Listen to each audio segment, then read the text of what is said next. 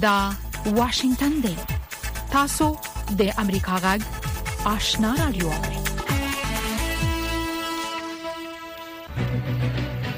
قدرمن اوریدونکو السلام علیکم زه شافیا سردار یم دا د امریکا جغ آشنا را دوه خبرونه پیل شوه لومړی به خبرونه واوري السلام علیکم درنو اوریدونکو ستړي مشي زه زیبا خادم یم دا د امریکا غږ آشنا را دوه خبرونه ده د نړۍ د دې ساعت خبرونو ته ستاسو پام را اړوم د طالبانو حکومت ویلي دي چې د دوی په چارواکو د اروپאי ټولنې بندیزونه هیڅ لوري ته ګټه نه لري اروپאי ټولنې تیر ورځ اعلان کړی دی چې په افغانستان کې د زده کړو او د کار نه د خزو او جنکو د بې برخې کولو او توپیری چلن له امله د طالبانو د حکومت په څو چارواکو بندیزونه لګولې دي د طالبانو د عدلیې او پوهنې سرپرست وزیران عبدالحکیم شرعي او حبیب الله اغا او د طالبانو قاضي القضات عبدالحکیم حقاني په تور لیست کې شامل کړي دي. ذبیح الله مجاهد په ټویټر کې لیکلي دي چې د افغانانو په مقابل کې د ناکامو تجربو تکرارول او تحمیلي سیاست نتیجه نه ده ورکړې. د اروپايي ټولنې اعلامیه وایي، په افغانستان، جنوبي سودان، د مرکزي افریقا په جمهوریت، اوکراین او روسیې کې د بشري حقوقو د سرغړونو په خاطر په اتلس کسانو او پنځو موسسو بندیزونه لګول شوي دي. بل پلو اروپايي ټولنې د جولای په شلمه د افغانستان سره اووه میلیونه او شپږ سوه زره یورو مرسته اعلان کړه. د دې ټولنې په خبرپاڼه کې ویل شوي دي چې دا پیسې به د افغانستان په شپږو ولایتونو تخار، بدخشان، غور، جوزجان، دایکندي او سمنګان کې د کروندګرو د ملاتړ او د هغوی د اړتیاوو په پوره کولو ولګول شي. د افغانستان د بیا رغونې په چارو کې د متحده ایالاتو د تفتیش د ادارې سیګار خاص استازی جان ساپکو وایي چې په افغانستان کې د طالبانو د حکومت له لوري د نړیوالو بشري مرستو د انحراف او په دغو مرستو د طالبانو د ډلې د کنټرول په هکله کانګرس ته معلومات ورکړي دي جان ساپکو د جولای په شلمه د لندن کینګز کالج کې وویل چې د امریکا د استازو خونې د خارجي اړیکو کمیټې ته یې د ملګرو ملتونو په عملیاتو کې ځینې ستونزې برالا کړې دي ساپکو په دې حق لا نور جزئیات نه دي ورکړي خو زیاته کړې ده چې دغه کمیټې ترې غوښتي دي چې تحقیقات وکړي چې طالبانو د امریکا لمرستو ګټه اخیستي یا نه دا واشنگټن دی د سیمې او نړۍ خبرونه اوري په کابل کې د ترکیې د سفارت تعلیمي اتشې ویلي دي چې هواد به هر کال 300 افغان محصلانو ته تحصیلي بورسونه ورکړي. باختر خبري اژانس د جولای په شلمه وویل چې د ترکیې د سفارت تعلیمي اتشې چنګیز دمیر دا خبره د طالبانو د لوړو زده کړو وزارت د مرستیال ډاکټر لطف الله خیرخواه سره په غونډه کې وکړه. د ترکیې د سفارت شاه زافیر په دې خوښي ښکاره کړې ده چې د بلخ په پوهنتون کې د ترکي ژبې د ادبیاتو څانګه پرانیستل شوې ده. اروپايي ټولنې په سوریه کې د بشار الاسد د حکومت د پوځي ملاتړ او په اوکراین د روسیې د یرغل په خاطر په ایران نوي بندیزونه ولګول. اروپايي شورا پرون د پنځشنبې په ورځ په خپل ویبپاڼه کې ویلي دي چې د اوکراین په ضد د روسیې د یرغل او د ایران پوځي ملاتړ ته په کتو یې د دې شورا په نوو بندیزونو کې د بې پیلوټه الوتکو د پرزو صادرات هم منع کړي دي. د نوو بندیزونو له مخې شپږ تنه ایرانیان سوریې ته د هوایي دفاع د رادارونو په لېږلو کې د لاس لرلو او همداشان روسیې ته د بې پیلوټه الوتکو د ورکولو په خاطر په تور لېست کې شامل کړل شوي دي. په دغو شپږو کسانو د سفر د بندیزونو نه علاوه اروپايي شرکتونه د دغو تحریم شوو ایراني شرکتونو سره هم د راکړه ورکړې نه منع دي. د سیمې او نړۍ خبرونه د امریکا غږ آشنا رادیو د واشنگټن د استودیو نه اوري پولند د روسیې د واګنر د ملیشو د احتمالي ګواښ د مخنیوي لپاره د دې هیواد ختیځ ته پوځي قطعې استوي د پولند دولتي خبري اژانس د پولند د امنیتي کمیټې د منشي له قوله نن راپورټ ورکړی دی چې د کمیټې په بلاروس کې د واګنر د امنیتي شرکت د ملیشو د ځای په ځای کولو له امله د چهارشنبه په ورځ په غونډه کې دغه پریکړه کړې ده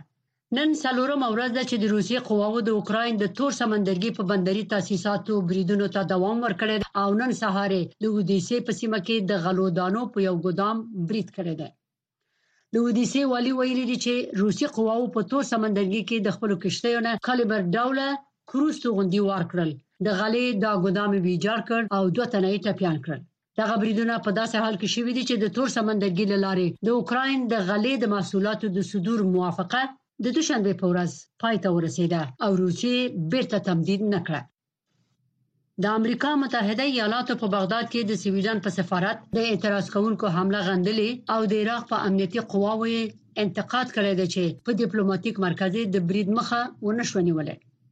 سلګونو کسانو د جولای په شلمه په بغداد کې د سویډن په سفارت یرغل وکړ د سفارت یوې برخې ته اور واچوه او په دې توګه یې په سویډن کې د قران کریم په سوځولو اعتراض څرګند کړ او په برازیل کې یوې غیر دولتي ادارې راپورټ ورکړی دی چې تیر کال په دې هواد کې په هر ساعت کې په قریب اتو خځو جنسي تیری شوې دي دا راپورټ وایي چې شپږ فیصد دغه تیری تر 14 کلنو کم عمر جنکو باندې شوی دی زیبا خادم امریکا غږ واشنگتن خبرونه مو د امریکا جغ آشنا رادیو څخه واوریدل قدرمن اوریدونکو زموږ په دې خبرونه کې د افغانستان سیمه او نړۍ د اوسنوي حالات په اړه کې مهم مطالب لرو هیله ده چې خبرونه تر پایه واوري. لومړی براسو د رپورت ته چې د اروپאי ټولنې لخوا د طالبانو په څو چارواکو د تازه بندیزونو د لګولو په خبرګون کې د طالبانو د حکومت ویاند د فشارونو د پلي کولو او بندیزونو د لګولو پر ځای د دغه ټولنې څخه د تعامل او خبرو غوښتنه کړې ده.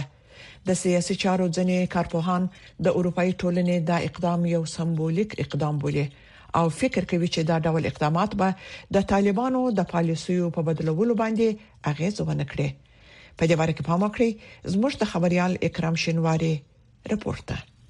اروپای ټولنې د پنځشنبې په ورځ د افغانستان په ګډون د شپږو هیوادو پر اتلس شخصیتونو او پنځه بنسټونو د بشري حقوقو د جدي سرغړونو لامل بندیزونه ولګول اروپای ټولنې د طالبانو د حکومت د پوهنې وزیر مولوی حبیب الله د عدلی وزیر مولوی عبدالحکیم شرعي او د سترې محکمې رئیس او قاضي القضات مولوی عبدالحکیم حقانی د جنسیت پر بنسټ د تاوتریخوالي لامل د دغه ټولنې د بندیزونو په لیست کې شامل کړل خو د طالبانو د حکومت ویاند زبی الله مجاهد د اروپای ټولنې دغه اقدام په خبرګون کې د جمعې په ورځ د خپل ټوئیټر په پاڼه لیکلي چې د بندیزونو لیسته د طالبانو د ځینو مشرانو د نمونو زیاتول هیڅ ته ګټه نه رسي خغلی مجاهد لیکلي چې د دې پر ځای چې د فشار او تحریم له غوراوي څخه استفاده کیږي باید له تعامل ډیالوګ او تفاهم څخه کار واخیستل شي د افغانانو په وړاندې ناکامې تجربې تکرارول او تحمیلي سیاست نتیجه نه ده ورکړې د نوو بندیزونو له مخې د اروپۍ ټولنې په غړو هېوادو کې د دغو کسانو شتمني بندیږي، د دغو هېوادو اتباعو شرکتونه له بندیزونو لاندې کسانو سره له اړیکو منع کېږي او د اروپۍ ټولنې له لارې د ترانزیت او ویزو د صادرولو په ګډون پر هغوی د سفر بندیز لګول کېږي. په عین حال کې ځینې افغان کارپوهان دا ګڼي چې د طالبانو په چارواکو د بندیزونو لګول به د دغه حکومت د سیاست په بدلون کې کومه خاصه اغېزه ونه لري. د امنیتي چارو کارپوه اسدالله ندیم په دې باور دی چې د دې وړاندې هم د طالبانو پر ځینو مشرانو او چارواکو باندې د ملګرو ملتونو د امنیت د شورا لخوا بندیزونه لګیدلي چې له مخې هغوی افغانستان څخه بهر سفر نشي کولی ښاغلی ندیم وایي چې طالبانو لپاره داخلي مسایل ډیر مهم دي او هغوی هر ډول چې وغواړي په افغانستان کې د خپلو سیاستونو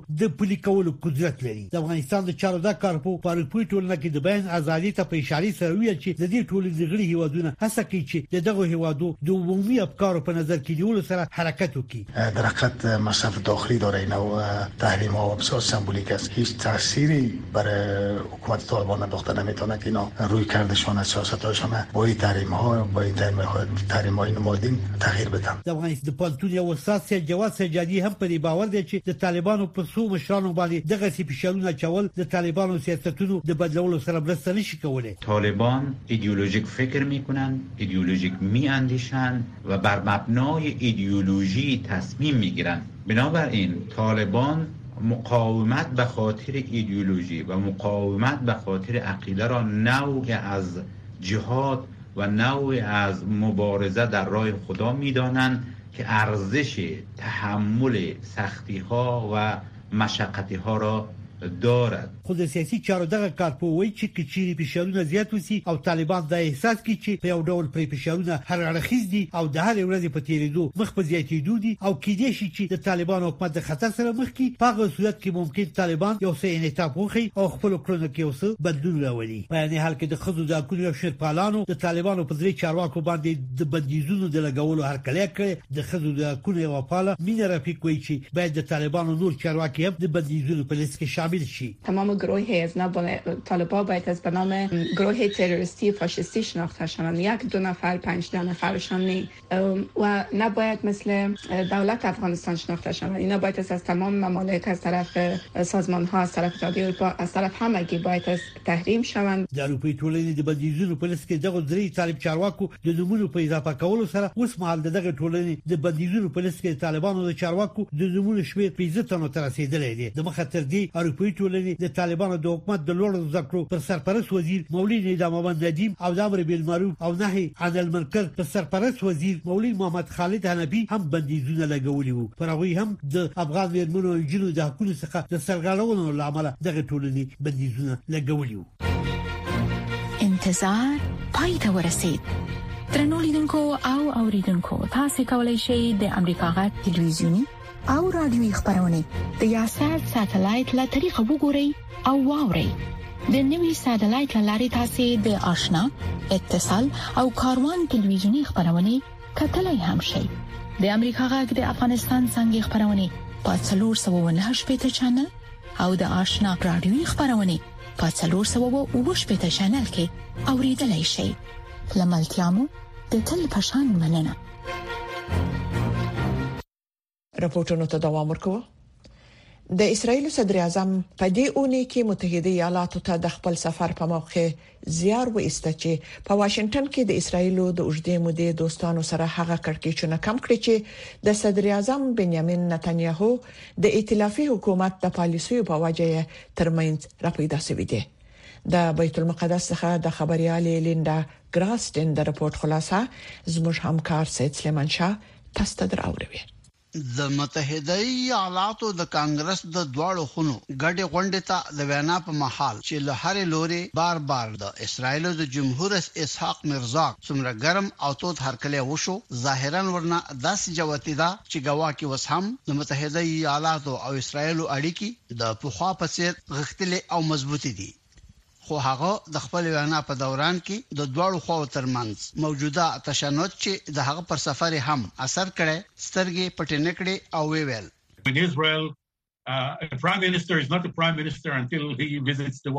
د اسراییل یو صدراعظم تر څو چې سپینې ماڼۍ ته سفر نه وي کړی، صدراعظم نه ګڼل کېږي او د معمول سره سم یې دا سفر به د صدارت د مقام تر رسېدو وروسته د قسم خوړلو او لوړې د مراسم په په ځای کولو په تعقیب د څو غونې په موده کې کوو. د اسرائیل جمهور رئیس له بایډن سره په سپینه ماڼۍ کې د خپل ملاقات په مهال له یهودي دولت سره د امریکا پر ژورو ارتباطاتو او اړیکو تاکید وکړ او د دواړو ملګرتیا او انډیوالي نه ماتیدونکې وبلله. خو دې حقیقت ته په نظر اچولو چې د اسراییلو جمهور رئیس یوازې تشریفاتي او سمبولیک شخص دی، د حکومت اصلي مشري د صدراعظم په غاړه ده. په سپینه ماڼۍ کې د ملاقات لپاره ورته د بلنې ورکول او هم یې د متحده ایالاتو کانګرس ته وینا د نتنیاهو په مشرۍ د اسراییلو د اوسني ایتلافي حکومت چې له جوړېدو نې اووه میاشتې کېږي او د متحده ایالاتو ترمنځ د ژور کړکېچ او تشنج ښکارندوی و. د هرزاګ له سفر نه صرف یوه ورځ مخکې جمهور رئیس بایډن نتنیاهو ته بلنه ورکړې وه چې ملاقات دې ورسره وکړي، خو هغه د ملاقات نېټه او ځای مشخص نه کړ. د اسراییلو د امنیتي چارو یو پخوانی مامور او د اسراییلو د پالیسۍ د فورم غړي نیمرود نوویک په دې اړه امریکا غږ ته د زوم له لارې وویل،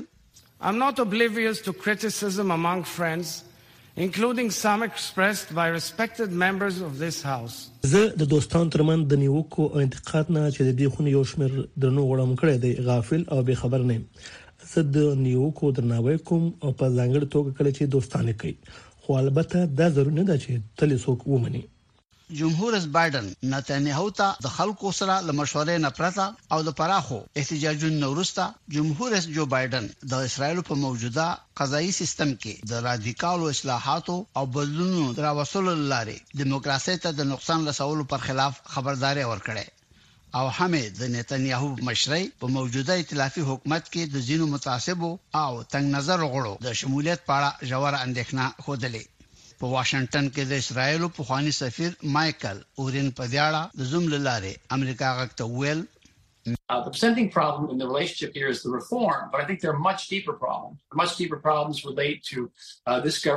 په سمدستي ډول چې کومه ستونزه موجوده ده هغه د ریفورم یا د اصلاحاتو ستونزه ده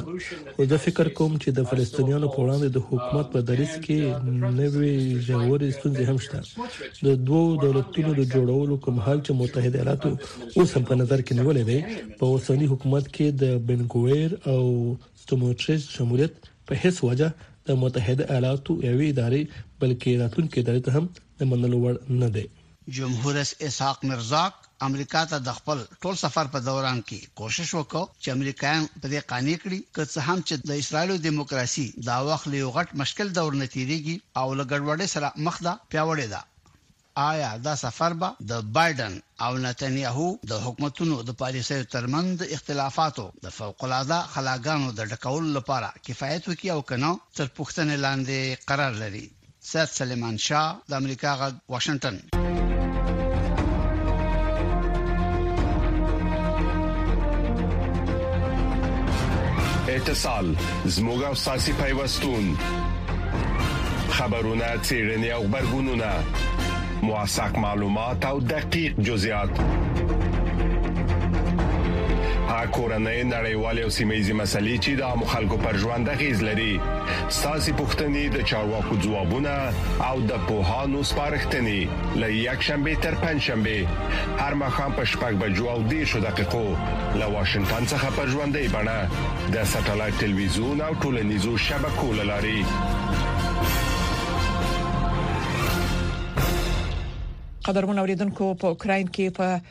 لسګونو زره مېرمنې د نارینهوو ترڅنګ په پوځ کې د روسیې د یرغل په وړاندې په جنګي او غیر جنګي ډګرونو کې خپل رول لوبوي. په ورته وخت کې ځینې مېرمنې چې د خپلو کورنیو او خپل ژوند د بیرته رغولو هڅې کوي، رواني او فزیکي فشارونه زغمي. پام وکړئ رپورټ ته. سویتلانا کوسولاپوا د خپل میړه د وجل کېدو وروسته یوازې ده د هغې میړه په جګړه کې وجل شوی هغه وایي چې د روسیې د يرغل لمخ کې خوشاله ژوند لرو زموږ د واده 15 کال په خوخه تیر شول په یو ورځ کې لمانه هرڅ واخیستل شو ما یو راتلونکې درلودله موږ به د اپریل په میاشت کې غرونو ته د چکر د پاره تللو بیا د دوه زره دوه ویشتم کال د فرورۍ په میاشت کې روسي ځواکونو د لوهانسک سیمه کې د هغوی ښار ونیو کوسلاپو وایي چې له هغې نه وروسته د هغې او د هغې د دوو ماشومانو ژوند یو نه ختمېدونکي عذاب شو حتی زما د میړه د وژل کېدو وروسته هم روسان راتلل زه یې د پلټنو لپاره بیولم ماشومان یې را لبندیان کړل زموږ خواړه یې واخیستل کوسلاپوا وایي چې لدې پرته چې وتښتي بل لارې نه لرله هغه دوه ماشومان لرل او خوندي ځای نه لرلو خو بیا هم په تېښته مجبور شو په لسکونو سره یوکرایني مېرمنې د روسیې په وړاندې په جنگي او غیر جنگي رولونو کې د نارینه او ترڅنګ خدمت تر سره کوي د کوسلاپوا په شان مېرمنې د رواني او فزیکی ناروغیو سره مبارزه کوي هغه د ماشا پنوم د ویمرستندوی موسسې د مرسته ترلاسه کړه دا موسسه د هغه خزو او ماشومان سره مرسته کوي چې ژوند یې د جګړې لوجې ویجاړ شوی دی د دې موسسې همکارا وایي چې میرمنې د سخت ستونزو سره مخ دي او ناهلي دي دوی ژوند ته لیوالتیا نه لري دوی نه پوهیږي چې ولې ژوند وکړي دا هغه څه دي چې دښمن زموږ سره کړی دي هغه خزه نه یوازې په فزیکی توګه وژلي بلکې په رواني توګه هم وژلي دي اوس لا پوه د رواني روغتیا لپاره روغتون ته لاړه، د خپل رواني صحت د ښه کېدو نه وروسته هغې د نورو سره مرسته پیل کړه. زه اوس په دې ځای کې یم چې د نورو سره مرسته کولای شم، نه یوازې دا چې زما سره مرسته وشي، بلکې زه هم د نورو سره مرسته کولای شم.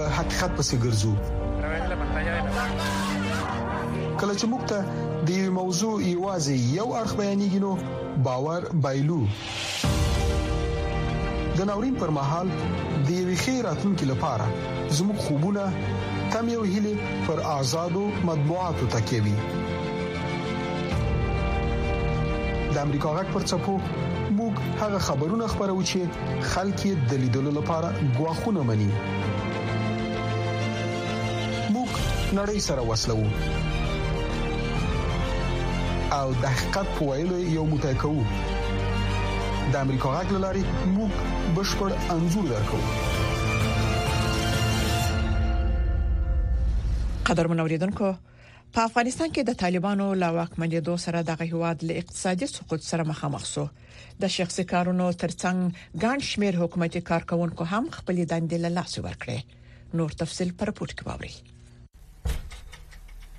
دای همایون حسینی نومیږي اته د شکلن دی او څلور ماشومان لري څو ورځې کیږي چې په دې هله د کابل مزدوري چوک ته ځي چې ګواکې څوک به یې کار ته بوزي خو ماخام تش لاس کور ته ستون شي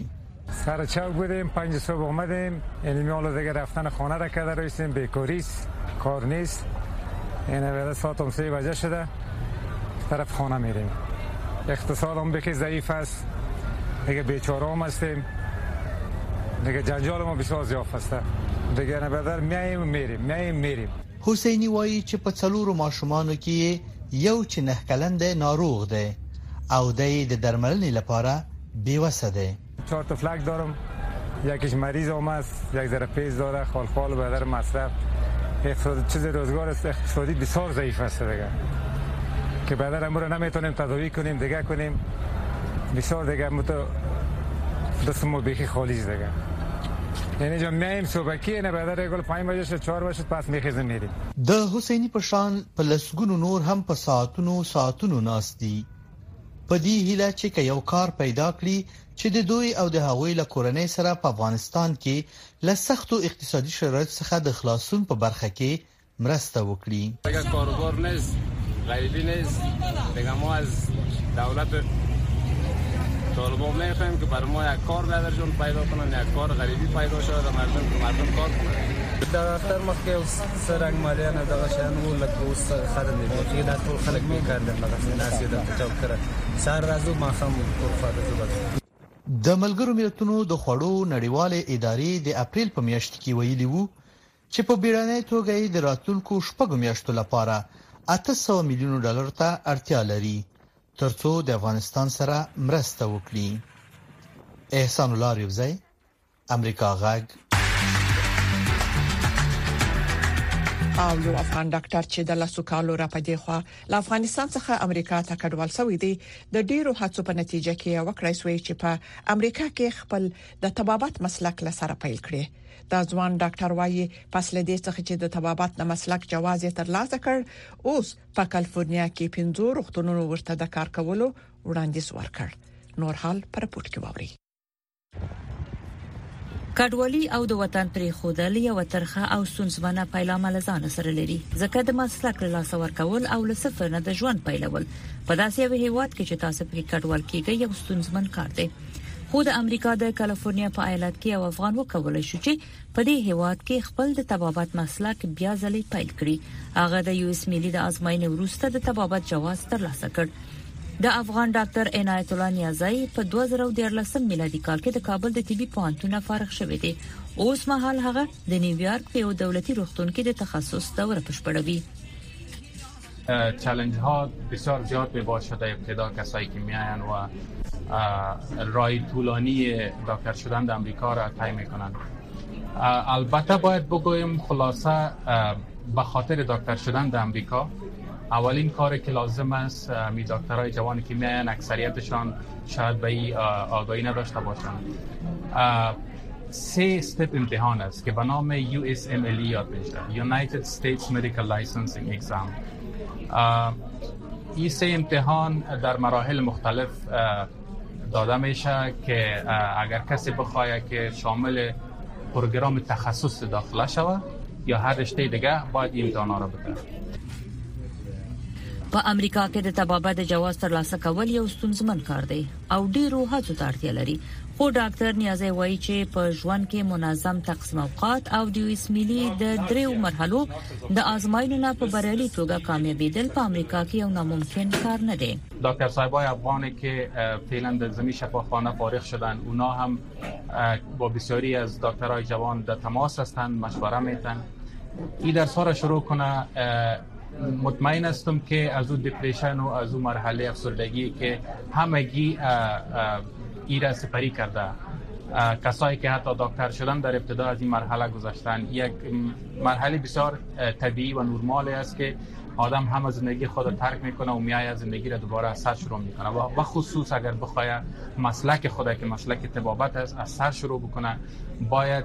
ای رای کمی مشکل و طولانی را سپری کنند دا افغان ډاکټر کله چې امریکا ته کډوال شونو د هغه د مسلک خلاف نور دندې هم تر سره کړې دي درنو اوریدونکو دا د اوس په یو سرمقاله ووري چې د امریکا د حکومت نظر څرګندوي. ملګرو ملتونو کې د امریکا د استازي سرپرست جیفر ډیلورنټس څرګنده کړه دا څرګنده ده موږ تقریبا کافي څه نه دي کړی چې ماشومان د جنجال له تاثیراتو نه وژغورو سفیر ډیلورنټس نو ویلي د ماشومان او وسلوال جنجال په باره کې د روان کال راپورټ رښتیانو فوري عکس العمل برابروي چې څرنګه جنجال ماشومان ته تاوان ورسوه ملګرو ملتونو په 2022 کال کې راپورټ ورکړ د ماشومان په خلاف د څبان د شپږو سرغړونو د څبان د اووه زره یو سل او اته مثالونو باندې راپورټ ورکړی دی چې په دې کې څه باندې اته زره شپږ سوه ماشومان وژل شوي او یا کلک ټپیان شوي وو موږ په ژوره توګه په دغه ړنګ بنګ شمېر سره خواشیني شوي یو. موږ په جنجال کې د شامل خواو سره د بوختیا په نتیجو سره هڅول شوی چې په نتیجه کې د وسلوالو ډلو او له وسلوالو قواونه 12415 ماشومان خوشی شوی او هله ده چې په دې سره به نور اقدامات وکړو چې هغه به د ماشومان ژوند ښه کړي سره له دې سفیر دلورنتس ویل ډیر ماشومان د جنسي تاوتریخوالي سره مخامخ شوي دي تختول شوي دي او له بشري مرستو نه انکار شوی دی